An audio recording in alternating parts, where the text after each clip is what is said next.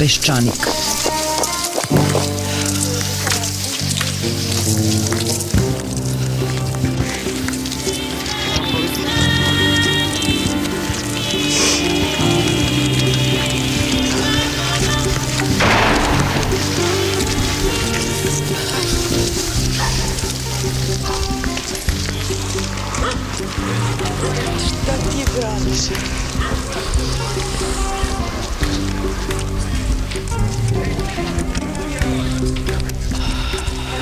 Peščanik.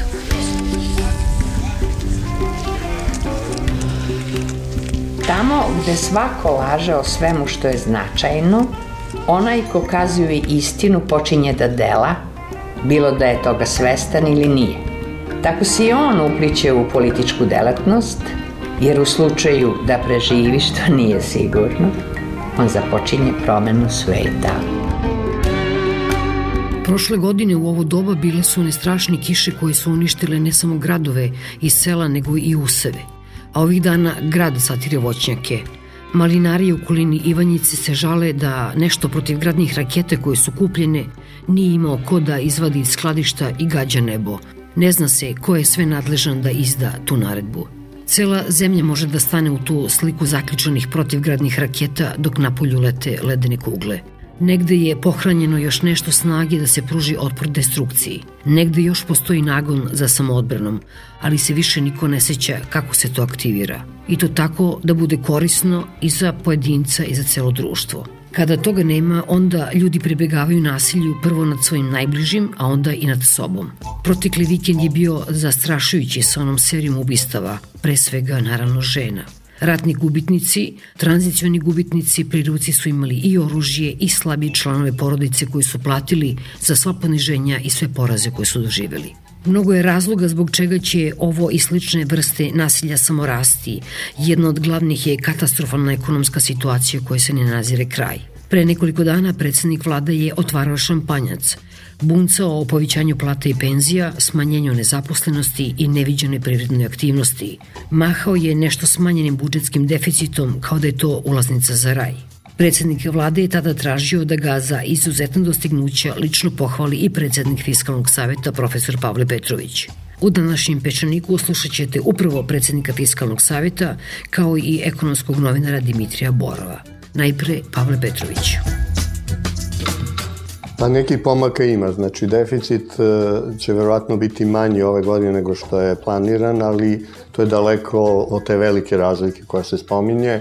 Znači ono što se desilo u ovoj godini, deficit se smanjuje prvenstveno zbog smanjivanja plata i penzija, to je ušlo u budžet i to je planirano, ali ono što je dodatno to je nešto bolja naplata prihoda, što znači smanjenje sive ekonomije. Tu ima sad nekih e, privremenih e, poboljšanja koja onda stvaraju utisak da je mnogo bolje, tako da kada se sve sabere, tu će biti neko, neko napređenje, ali daleko od toga da to bude osnova za, za promenu plana ili da se već sada tvrdi da smo najveći deo toga uradili, zapravo ovde se radi o jednom programu, planu koji bi najmanje mora da traje tri godine, a mi u Fiskalnom savjetu očekujemo da će to trajati i četiri godine, znači ovo je tek prvi znak i treba do kraja godina se vidi da li će to ti prvi trendovi koji su nešto bolji, ne, spektakularno, se i održati do kraja godine. Samo kada smo kod ovih cifara, mislim da sam pročitala u nekom vašem tekstu kako se došlo do te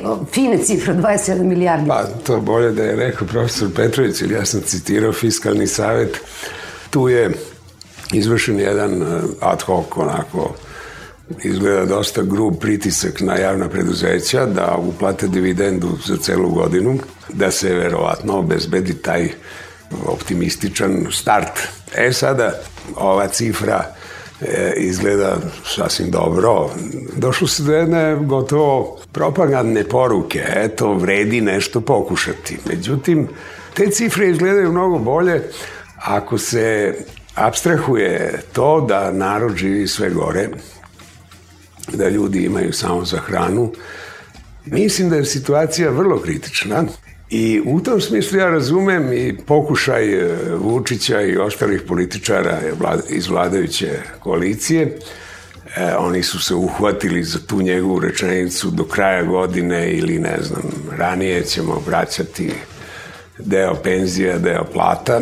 E, ja mislim da oni osjećaju ili istražuju javno mnjenje, da oni osjećaju da je kritično razdoblje i da ta socijalna izdrživost, izdržljivost tog celog paketa e, normalizacije, kako je rekao premijer, je e, negde na granici. E, ta socijalna izdrživost, naravno, to je socijalno nezadovoljstvo, može da se amortizuje raznim atrakcijama, politikanskim akcijama, propagandom, zasipanjem informacijama pozitivnim, evo, krenulo je, idemo napred. Ali kod ekonomije je stvar novčanika i stvar bede, to se ne može zatrpati i zato mislim da otuda Vučić izlazi s tim prerano i ekonomski nezasnovano sa nekim projekcijama lepše budućnosti.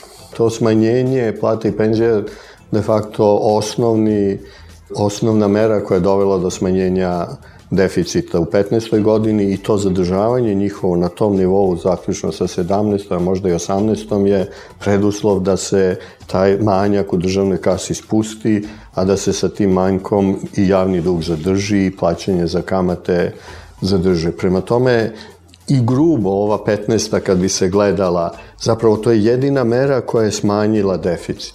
Postoji niz sitnih stvari koje se međusobno potiru i još dve značajnije veličine. Jedna veličina je poraz plaćanja za kamate koja je rezultat rasta našeg duga. I to je tačno kompenzirano ovim iznad planiranim porastom prihoda. Tako kad to sklonite, vam ostane da samo plati i penzija imala efekt. Ako bi vi sad vratili nazad plati penzije ove godine, vi bi se vratili na deficit odakle ste krenuli i vi bi poništili sve što ste uradili. Ako bi to uradili, vaš dug bi počeo da raste. Posledica rasta tog duga su ogromne kamate koje mi plaćamo. Znači, sada kamate koje mi plaćamo su oko 3,5 do 4% ekonomskog proizvoda zemlje. To je znači sve ono što dajemo za prosvetu. To je 150.000 ljudi zaposlenih u prosvetu plus one troškovi za osnovno, srednje, visoko obrazovanje. To je jedna strana. Druga strana, kad pogledate te kamate, i uporedite međunarodno, znači uvek gledamo kamate prema bruto domaćem proizvodu, prema ekonomskoj snazi. Ispadne da smo se mi približili Grčkoj. Naravno, apsolutne cifre su tamo veće, ali relativno se, broj, relativno se računa. Mi smo ušli u grupu Grčke, Portugala, Irske, dakle oni koji su udarili u žestoku krizu. Druga stvar je da, za razliku od tih zemalja, Portugala, Irske, koji su na visokom nivou počeli su da smanjuju Nama to još uvek raste. Prema tome, to je prosto, mi nemamo, mi nemamo opcije nego da, da smanjujemo to. To nije srećena stvar. Plati i penzije da bi preživeli, da bi dogurali na neku zelenu granu. E sad, mi treba u ove tri godine da smanjimo javnu potrošnju za 3% poena od tog našeg ekonomskog proizvoda. I sada odjednom se pojavljuje sa platama i penzijama i plus ovim nešto boljim prihodima, mi ćemo skoro polovinu uspeti da, da smanjimo. Naravno, ne smemo da vratimo plati penzije, jer ćemo sve poništiti. Ali ono što se u sad u ovim javnim nastupima vidi u vladi, oni govore da to može da bude ne samo taj 1,5% poen, nego može 2 i 2,5 i da ćemo mi ove godine skoro da se približimo cilju trogodišnjem. I sad to na površini stvarno može da se desi. Znate kako? Tako što se neće ući u reforme, restrukturiranje. Pa vi uštedite po znakom navoda na otpremnine koje treba platiti tim radnicima koji idu. Ali to ček iduće godine. Drugo, još, gor, još strašnija stvar, ono što se dešava u prva četiri meseca i otuda ti o, izuzetni rezultati koji, koji stvarno i nisu, jeste da javne investicije se izvršavaju samo polovina od onoga što je budžetirano. A javne investicije ili te investicije u infrastrukturu, putevi, železnica, energetika, je jedino što može da pokrene ovde neki, neki privredni rad. I sad kad vi, i pored toga što su one malo budžetirane u odnosu na repere iz regiona, da, i to malo što je budžetirano, tek polovina se ostvaruje. Pa sad ako vi napravite uštede tako što ne restrukturirate i ne platite otpremnine ili tako što ne investirate, a to vam je jedini spas, onda stvarno može da se pojavi da ja veoma mali deficit, da bude da ide ispod 4%, da ide na, na 3%, te, te cifre već cirkulišu u javnosti. Pod jedan, to nije dobro, ali pod dva, još važnije, to nije održivo. Šta će se desiti u 16. Hoćete restrukturirati morate da zatvarate. Ako zatvarate, morate platite otpremnine. Hoćete graditi puteve, železnicu i ovo. Da li ćete stalno držati na, na minu? Hoćete. Onda će taj deficit koji je odjednom kao pao, mesto da ide dalje dole, da se vrati nazad. Izvinite, samo da kratko da vas prekinem za javne investicije. Prvo da malo objasnite taj termin i drugo, meni to zvoni u ušima nešto što sam čula pre dve, tri nedelje od nekoga iz Evropske banke za obnovu i razvoj ili nekoga već koji je rekao dajte ljudi, dali smo vam kredit, ništa ne radite sa tim, plaćate samo kamate. Da smo mi toliko nesposobni ili u čemu se to radi? Da, ovaj, Fiskalni savjet je uradio tu analizu i u februaru reprezentirao.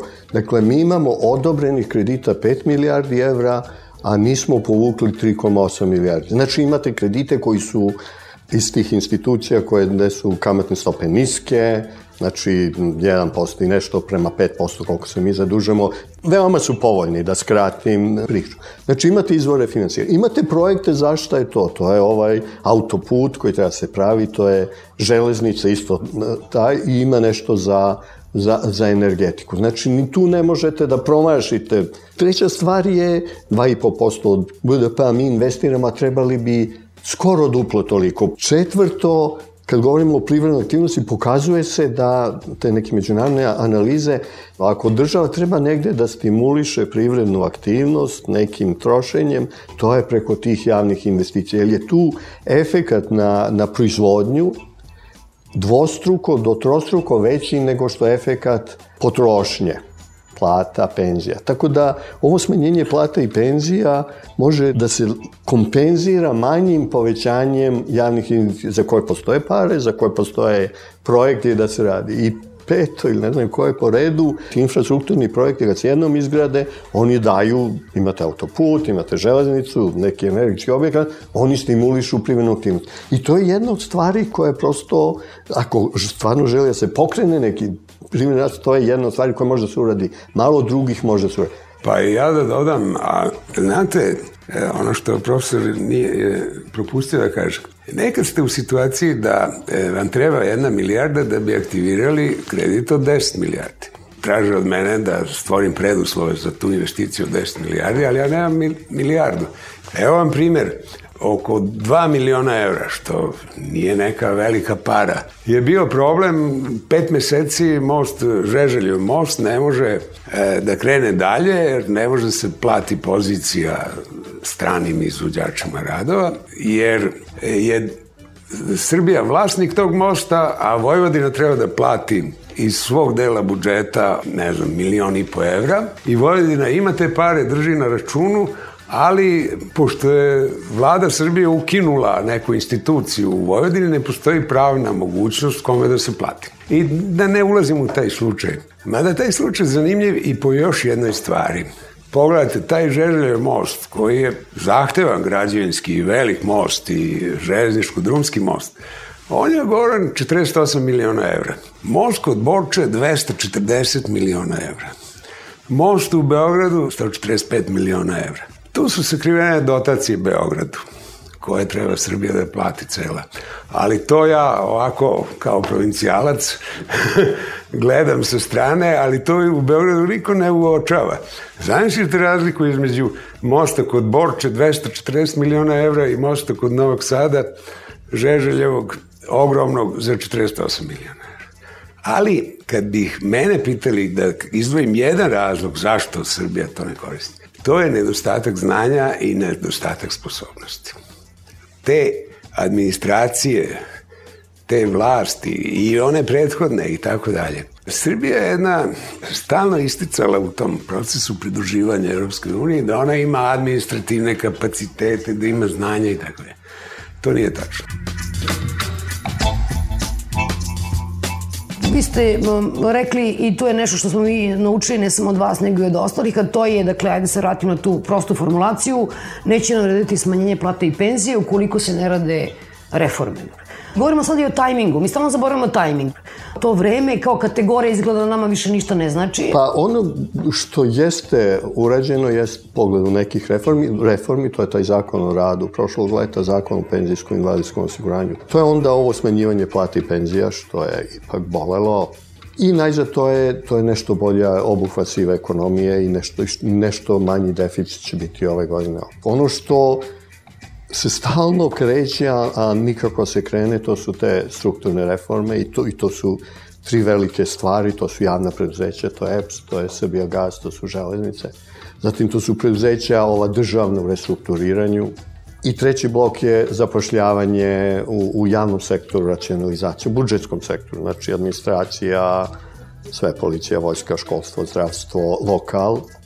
I tu nikako da se krene ili se nešto dešava. I ovo poslednje da li će i da li ima političke volje. Mislim da je tu presudno aranžma sa, sa monetarnim fondom, jel kao presudno sidro. Tako nešto može da nas izgura, to je da se držimo tog sidra. Ali ono što, što se vidi da, da i uprkos prisustva MMF-a već je bilo izbijanje da se pomeraju ove reforme, na prvi znak o malo boljim rezultatima se već govori ajmo gotovo, ajmo da vratimo nazad. Drugo, da se ove reforme pomeraju, zato što je trebalo već u januaru, februaru ova javna preuzeća nešto se uradi, da se napravi plan za ovaj budžetski sektor, da se za ovo restrukturiranje je bilo još ranije. Pa ja imam tu jedno zasebno mišljenje oko reforme javnih preduzeća. Javna preduzeća su, ako karikirano rečeno, srce političkog sistema Srbije. To je ono od čega živi politička klasa, od čega ona izbači svoj autoritet pred narodom, zapošljava, premešta, postavlja menadžere, demonstrira svoju vlast. Sad ta javna preduzeća, ako hoćeš da od njih stvoriš neka stvarna preduzeća koja su efikasna, koja jure profit i tako dalje, onda ti zapravo zadireš, sečeš granu na kojoj je konstruisan taj politički sistem u Srbiji.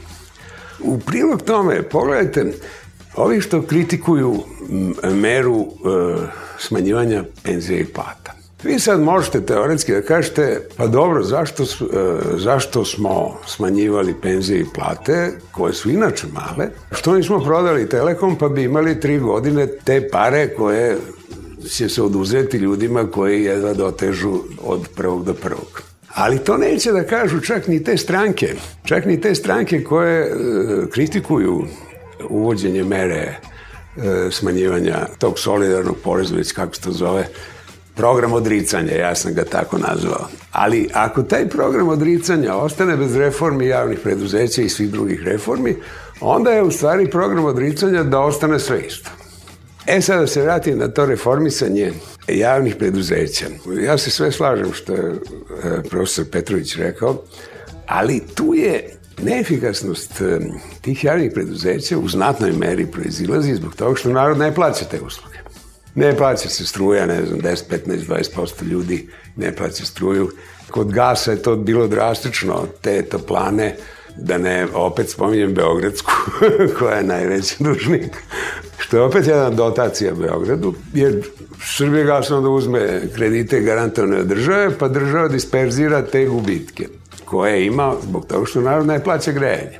Prema tome, prva stvar u toj takozvanoj reformi, smešno je i reći, je da se usluge javnih preduzeća plaćaju. A to je već jedan problem vrlo kompleksan. Pazite, mi očekujemo da vlada Srbije sprovede reforme u, u EPS-u.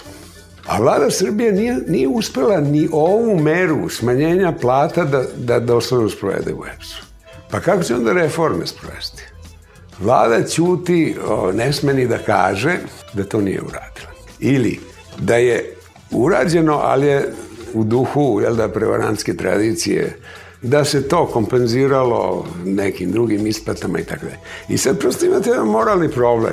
Notorno je da je cena struje niska u odnosu na sve zemlje u Evropi, pa pogotovo i prema okruženju, ali vi imate jednu enklavu u državi koja ne brenuje ni zakon o, o solidarnosti, koja neće da popusti ni kod jedne privilegije za svoje zaposlene, a naročito privilegije za svoju superstrukturu. I sad vi pokušavate da smanjite broj direktora sa 140 na 40 i šta ja znam, i da opet centralizujete ceo sistem u skladu sa energetskim direktivama Europske unije Međutim, te distribucioni tip 4-5 centara, oni su povezani s lokalnim političkim garniturama. I sada imate jedno zamešateljstvo političkih interesa, jednog jakog sindikata koji koji ne popušta i jako je opasno da uđe u štrajk. Ova država može da izloži štrajk advokata, ne radi sudstva, šest meseci. Možda izloži, ne radi školstvo ili radi... Ali bez struje ne može, da? I sad tu imate smešnu situaciju. Mi svi govorimo kako je ova vlast rigidna, kako je uhvatila sve sve dizgine, a u stvari i nije. Da, javne preuzeća su presudne i to je gospodin Boarov tačno ukazao da gubici koji se odatle generiraju će sve da pojedu ove uštede na ovoj drugoj strani, da bez toga nema. Druga strana je da je tu prepleteno sve ovo politički, onda socijalno, ekonomski, kako ćete da otpustite, treće i profesionalno, kako ćete to da uradite. Znači, to je stvarno teško i na prvi pogled bi čovjek rekao ne može da se uradi. A prihvaćeni su neki, izvinjam se, kratki rokovi. Yes. Ali s druge strane, to je toliko veliki EPS, je toliko veliki problem da i, da evo već ima nekih naznaka u gubicima koje je napravio prošle godine. Ako bi se to prevalilo na budžet, to je prosto neizdrživo. Kao što je, ako sam uspeo sa onim kamatama da ilustrujem na javni dug, kako nam stoje da nas potpuno potisnu, tako i ovo, i ovo, i ovo prevaljivanje gubitaka potencijalno iz EPS-a na, na, na budžet. Tako da su to te dve strašne, jake stvari koje jedna na drugo. S jedne strane da se ne uradi ništa, a s druge strane ogromna pretnja. Ja mislim da se sad ta pretnja prepoznaje i da je to postalo jasno da, da možda ćete sačuvati nešto politički, ekonomski, socijalni, ali to će vas odavde potopiti, a u sve to tu je sada i, i monetarni fond koji to dosta jasno pokazuje i da, opet je s jedne strane je bilo odlaganje, trebalo je odmah se napravi plan, ali to se stalno pomeni. Sad je, koliko razumijem, za početak juna oni, EPS treba da izađe i vlada da usvoji sa tim planom ovaj, finansijske konsolidacije koji bi se predstavio monetarnom fondu i da je to uslov da oni kraj meseca juna odobre ovu prvu reviziju. I već se tu na, ima naznake šta je to, to je smanjenje broja zaposlenih, to će sigurno morati povećanje cene struje, to je sigurno mala naplata, četvrto je ispadne krađe na sistemu i tako opet ako bi u jednoj rečenici da deluje gotovo nemoguće da će to da se reši ekonomski, politički, profes.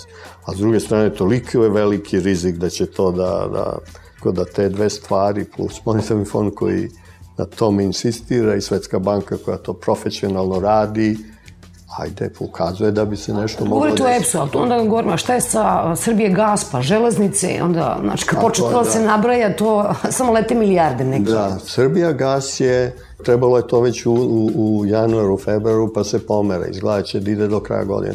Kod Srbije gasa je problem, osnovni je što njemu ne plaćaju što on naplaćuje neki 60% i to mu nas ne plaća Azotara, Petrohemija i ima MSK. Znači sad treba rešiti Azotaru i Petrohemiju ili zatvoriti ili oni da počnu da plaćati Srbija gas. E sad kako to živi još uvek?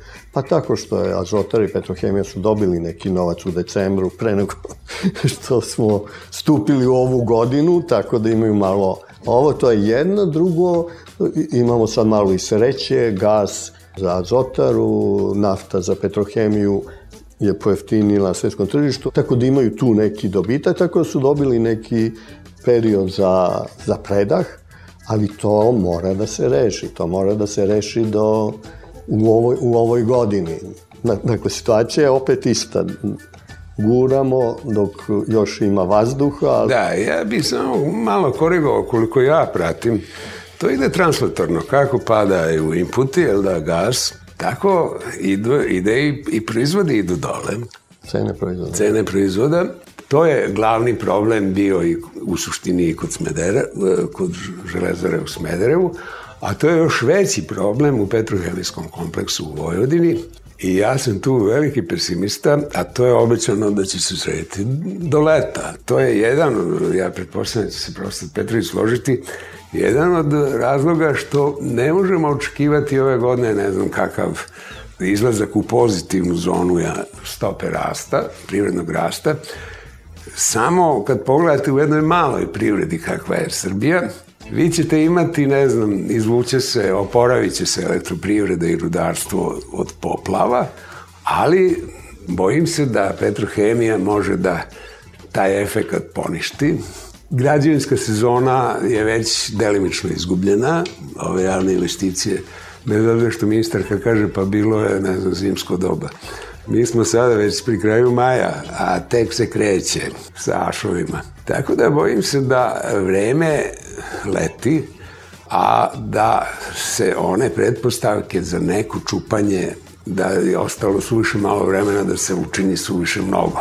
I, i procenu fiskalnom savjetu su da ne, neće biti rasta ove godine i da je to pre neki blagi, blagi minus Ono što malo zamagljuje stvar, to, je, to su poplave i efekat na struju i, i ugalj. I onda je to imalo veliki efekat prošle godine na dole, a onda ovaj, ove godine će imati veliki efekat na gore.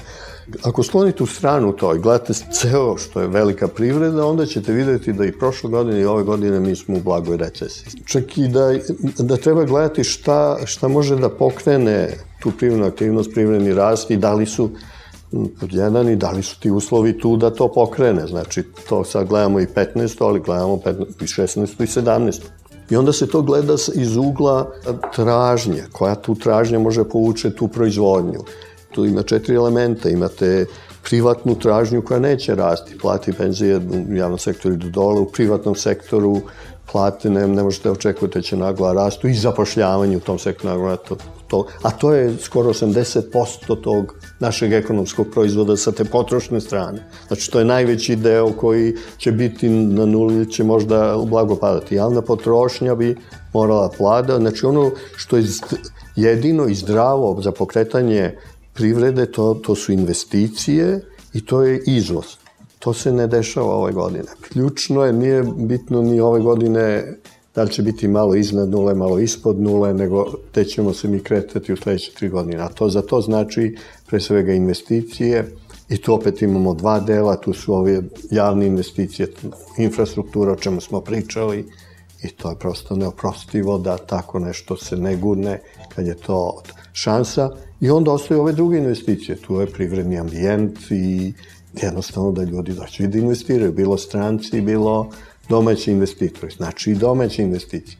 Ali zašto su insistirali na stranim direktnim ili kad se stranim investicijama?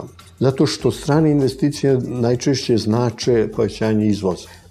I sada kada se to složi, vidi se da, nažalost, i ove, a po našim procenama iduće godine teško će biti nekog privrednog rasta, jer nema tih temelja. Znači, već bi sada moralo se pojave značajna investicijna aktivnost koja bi onda sledeće godine već nešto proizvodila i zajedno kreirala izvoz, a to, boga mi, važi i za 17. Znači, ni 17. nije garantovana kao, kao privredni rast ako se ove stvari ne dešavaju. Zbog čega, osim tih najava i memoranduma o razumevanju, mi zapravo nemamo ništa opipljivo tokom ove godine, ozbiljnije od tih stranih investicija? Koliko sam ja vidio negde, u prvom kvartalu je 188 miliona evra.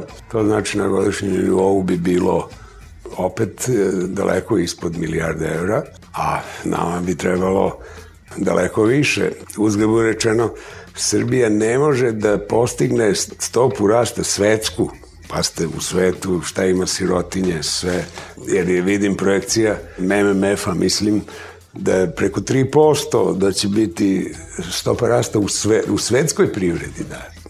A mi ne možemo to da dobacimo, onda znate u kojoj meri je Srbija u krizi. Ove investicije, pruge, autoputevi i tako dalje, to ni, ne da je veliki zamajac za konjukturu kao, kao bi dala stanogradnja, na primjer. A stanogradnja je zakočena upravo tim merama štednje, vi teoretski možete da kažete, država je uzela onu ratu kredita za novi stan. To država uzima i usmerava da, da se finansijski konsoliduje. Pre svega kupci stanova su ti kojih nema dovoljno, koji nisu platežno sposobni i to je jedno vrzino kolo a stanogradnja pokreće jedan dosta širok front e, privredne aktivnosti. I poljoprivreda na izvestan način ima jedan širi e, investicije u poljoprivredu. E, mislim da brže se efektuiraju, brže daju rezultata od nekog autoputa prema moru. I sada u takvoj jednoj situaciji neko je pronašao investitora iz, iz e, Nemačke, tog tenisa, koji je inače ogroman proizvođač svinjetine, koji je spreman da dislocira deo te proizvodnje, koja inače ne spada u čiste tehnologije, da se odmah razumemo. I sada taj banat e, koji je, tako reći, prazan, nema dovoljno tu ni stanovništva, a ima dovoljno zemlje, je e, meta tog tenisa i on pokušava sa vladom Srbije da napravi jedan aranžman da vlada posreduje da oni kupe ili zakupe na pet mesta po 3-4 hiljade hektara. I sad se ispostavilo da tu ima užasnih otpora, što od ovih raznih zaostalih nekih zadruga gde sede neki ljudi koji su tu zainteresovani da rentiraju i državnu zemlju i ne znam čiju. Zatim imate jednu rascepkanost, objektivnu rascepkanost zemljišta na razne vrste vlasnika, svako tu hoće da zaradi i onda na kraju ta siromašna Srbija kad prodaje nekretninu, ona ispada, skup, ispada skuplja od Nemačke, jer pa ste, ne znam, 10.000 evra hektar, Pa to je već doteralo do, do neverovatnih e, za bolju zemlju u Vojvodini. E sada, sad se javlja tu jedan strah od svih proizvođača svinja u Srbiji celoj, koji imaju po, redke su farme koje imaju više od 50 stotinak e, tovljenika, da će sada kad stigne taj tenis i kad on tu 750.000 tovljenika godišnje počne da producira, bez obzira što on verovatno računa na izvoz, na preradu u Nemačkoj, verovatno gađa i Rusiju i doće do jednog krupnog poremećaja, ali bez krupnog poremećaja ni, ni srpska poljoprivreda ne može se rasani. Ako s jedne strane smo mi kao neka velika porodica koja sad živi, jel?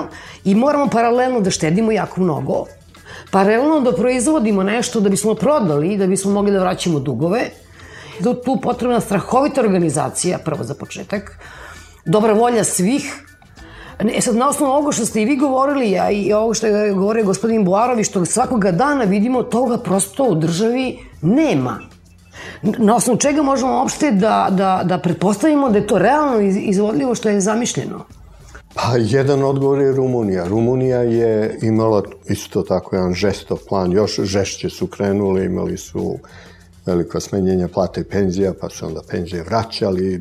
Bilo je stvarno politički žestoko, mislim da su predsednika smenjivali, policija se bunila, ali oni su za tri godine uspeli da deficit svedu na to što su hteli. Znači, moguće je uraditi, Treće što, ja mislim, bar ove dve velike stvari, te ogromne kamate koje nam se i ovako uz ove velike štednje navaljuju, prosto su zastrašujuće za svakog odlučuje. I druga strana je su ova javna preduzeća koja isto tako, EPS pre svega je isto zastrašujući. Mi naravno, važan je ovaj, ovo što je gospodin Baro govorio i ovo, taj privredni ambijent koji je ovde lepo na jednom primeru opisan. Znači, nama treba proizvodnja, da nije dovoljno samo štedeti, potrebna je proizvodnja da bi se i taj dug i plaćalo i tako dalje. Za tu proizvodnju treba naravno i domaći da investiraju, ali ako investira, on mora da bude siguran da te pare uložio, da posle ako mu neko nešto duguje na sudu, može brzo da povrati. Ako to nismo u stanju da da raščistimo, onda, onda ne, neće pomoći ni stalno stezanje, stezanje ako... Ali s druge strane, evo, imate primere. Rumunija je prošla kroz to i, i uradila je. Dobro, mi smo potrošili ove godine smenjenje plata i penzije, ne možemo to sada da ponovo da rabimo iduće godine ili tamo godine. Govorili smo nešto o javnim preduzećima, sa tim se kasni već mesecima. Sada ostaje nešto što, na što su svi osetljivi, to je tema koja je bila pokrenuta i stala je, to je tih čuveni 6,5%.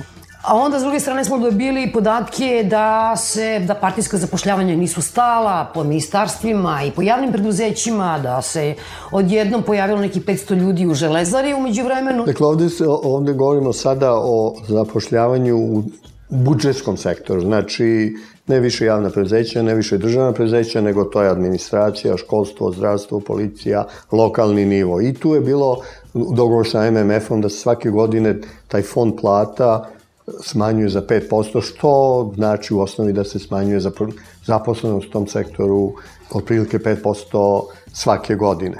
Ono što se vidi jeste da u ovoj godini neće se nešto značajnije uraditi, znači u osnovi će se, osnova će biti na penzionisanje, znači ono što se zove prirodni odliv, ali što je sada presudno da se uradi jeste da se već sada ove godine naprave planovi za 16. i 17. A to podrazumeva da se napravi, da se napravi analiza koliko su viškovi u prosveti, zdravstvu, policiji, administraciji, lokalu, te ih sve ima. Znači, prvo ta analiza. Zatim da se iza toga napravi planovi reformi, znači da ne bude to samo otpusti da dođeš na taj nivo, nego da promeniš te sektore, da, da ih ne, ne uništiš. Naročito je to opasno kod prosvete i zdravstva. Ako vi samo smanjite broj zaposlenih, vi ćete veću štetu. Možete ogromnu štetu da napravite, da te sve važne sektore potpuno ruinirate. A to sve treba uraditi ove godine da bi vi 16. to počeli da primenjujete, znači da to uređeno smanjujete zaposlenost, tamo gde su stvarno viškovi da imate reforme, i 17. A to je opet presudno prvo, zbog samih tih sektora da oni funkcionišu kako treba. A drugo i zbog ove smanjivanja deficita. Mi smo glavnu meru plati penzije dole ove godine potrošili. Naravno, mi moramo da je držimo na tom nivou, jel? Ako vratimo, vratit ćemo se na početak. Ali kako sad sa tog nivoa ići dalje u smanjivanje tog javne potrošnje, tog deficita? Jedine mere koje su preostale, u stvari, koje će dati uštede, je de facto ovo smanjivanje zapošljavanja u ovom budžetskom sektoru. Jer ove druge mere, ovo što smo govorili o javnim preduzećima i ovo što govorimo o preduzećima restrukturiranju, one su neophodne, ali one neće doneti dodatne uštede. One će da spreče da da nam se novi troškovi na vrat ne stave. Da je ne ispadne da će biti smanjeni broj ljudi u prosvetni zdravstvu, a ono što je a kako kažem, politička baza, čak i mnogih političkih stranaka, to su ljudi po administraciji, da će oni ostati netaknuti kao i u EPS-u koje ste vi pomenjali. A to je zaista kompleksno pitanje i teško pitanje. Pogledajte, škole su skoro stigle do toga da oni ljudi koji idu da rade s decom, toliko još ima ovih drugih e, u računovodstvu, u konsultacijama i tako dalje. Tu i isto ja zapažam izvesne paradokse. Naprimjer, e, vidite, gotovo munjevito je vojska restrukturirana. Došlo se do relativno male profesionalne vojske, ali s druge strane vi imate prilično velik policijski aparat. Istina, bez obzira što je velik ministar policije još uvek smatra oko svakog zločina on treba da izađe na televiziju da objašnjava šta je bilo. I taj deo se sindikalno organizuje, vrši pritisak i oni bi da budu bolje plaćeni. Međutim, ako se sve sruči samo na zdravstvo i na, na prosvetu. Zdravstvo je, za razliku od prosvete, veštije. Ono sada u javnost pušta e, stalno te priče, nema dosta doktora. Nije problem u doktorima, problem je što se tu e, zaposlilo jako mnogo i činovnika i očigledno to je sistem pretovaren. Ne doktorima, nego, nego tim drugim osobljem. Oba ta velika sektora, zdravstvo i, i školstvo na koje će pasti ta štednja u najvećoj meri, bi morali i, i sami nekako da se stvori neka svest da je u njihovom interesu da oni postanu efikasni i, i možda bi onda i bolje, bolje prolazili u toj velikoj raspodeli. Ali je to nužno uraditi pre svega i u toj upravi, jel da, našto lokalnoj uvede se, ne znam, kompjutersko ka evidencija državljanstva, matičnih knjiga i šta ja znam, a onda se poveća broj zaposlenih, jer ovi koji su zatečeni ti ne znaju to da rade, vidio dete te koji znaju, a ovi drugi sede opet po nekim šalterima, jer vi imate, ja ne znam, ja sam penzioner, pa sad s vremena na vreme mi treba ona potvrda da sam živ. I onda ispunjavaš dve uplatnice koje isto govore o političkom sistemu Srbije mnogo. Lokalna taksa je 30 dinara, a republička taksa je 490 a poštarina za te dve uplatnice 100 dinara. Vi možete na tom jednom malom primeru da analizirate raspodelu finansijske moći u Srbiji. Tamo gde je veća finansijska moć, tamo su veći i problemi. Jel da?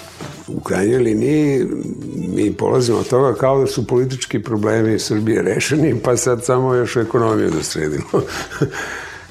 ne, mi ovde danas smo manje govorili o tim političkim problemima, ali možete ići redom. Naprimer, jedan deo stranih investicija nije došao jer nismo dokazali da naša spoljno-politička orijentacija ima neku predvidivost, da smo mi orijentisani kao ovom sistemu organizacije društva i države, a ne ka nekom drugom sistemu. Ne radi se tu da li Srbiji vole Ruse, nego hoćemo li mi Putinov sistem u Srbiji ili ćemo neki, neki srednjoevropski, češki, e, slovački ili ne znam koji drugi sistem, da ne govorimo o velikim silama. Znači, jedan deo investicija stranih nije došao jer se čeka stalno da mi uh, krenemo, damo dokaze da smo krenuli na jedan put otprilike ovakav, prema Evropi.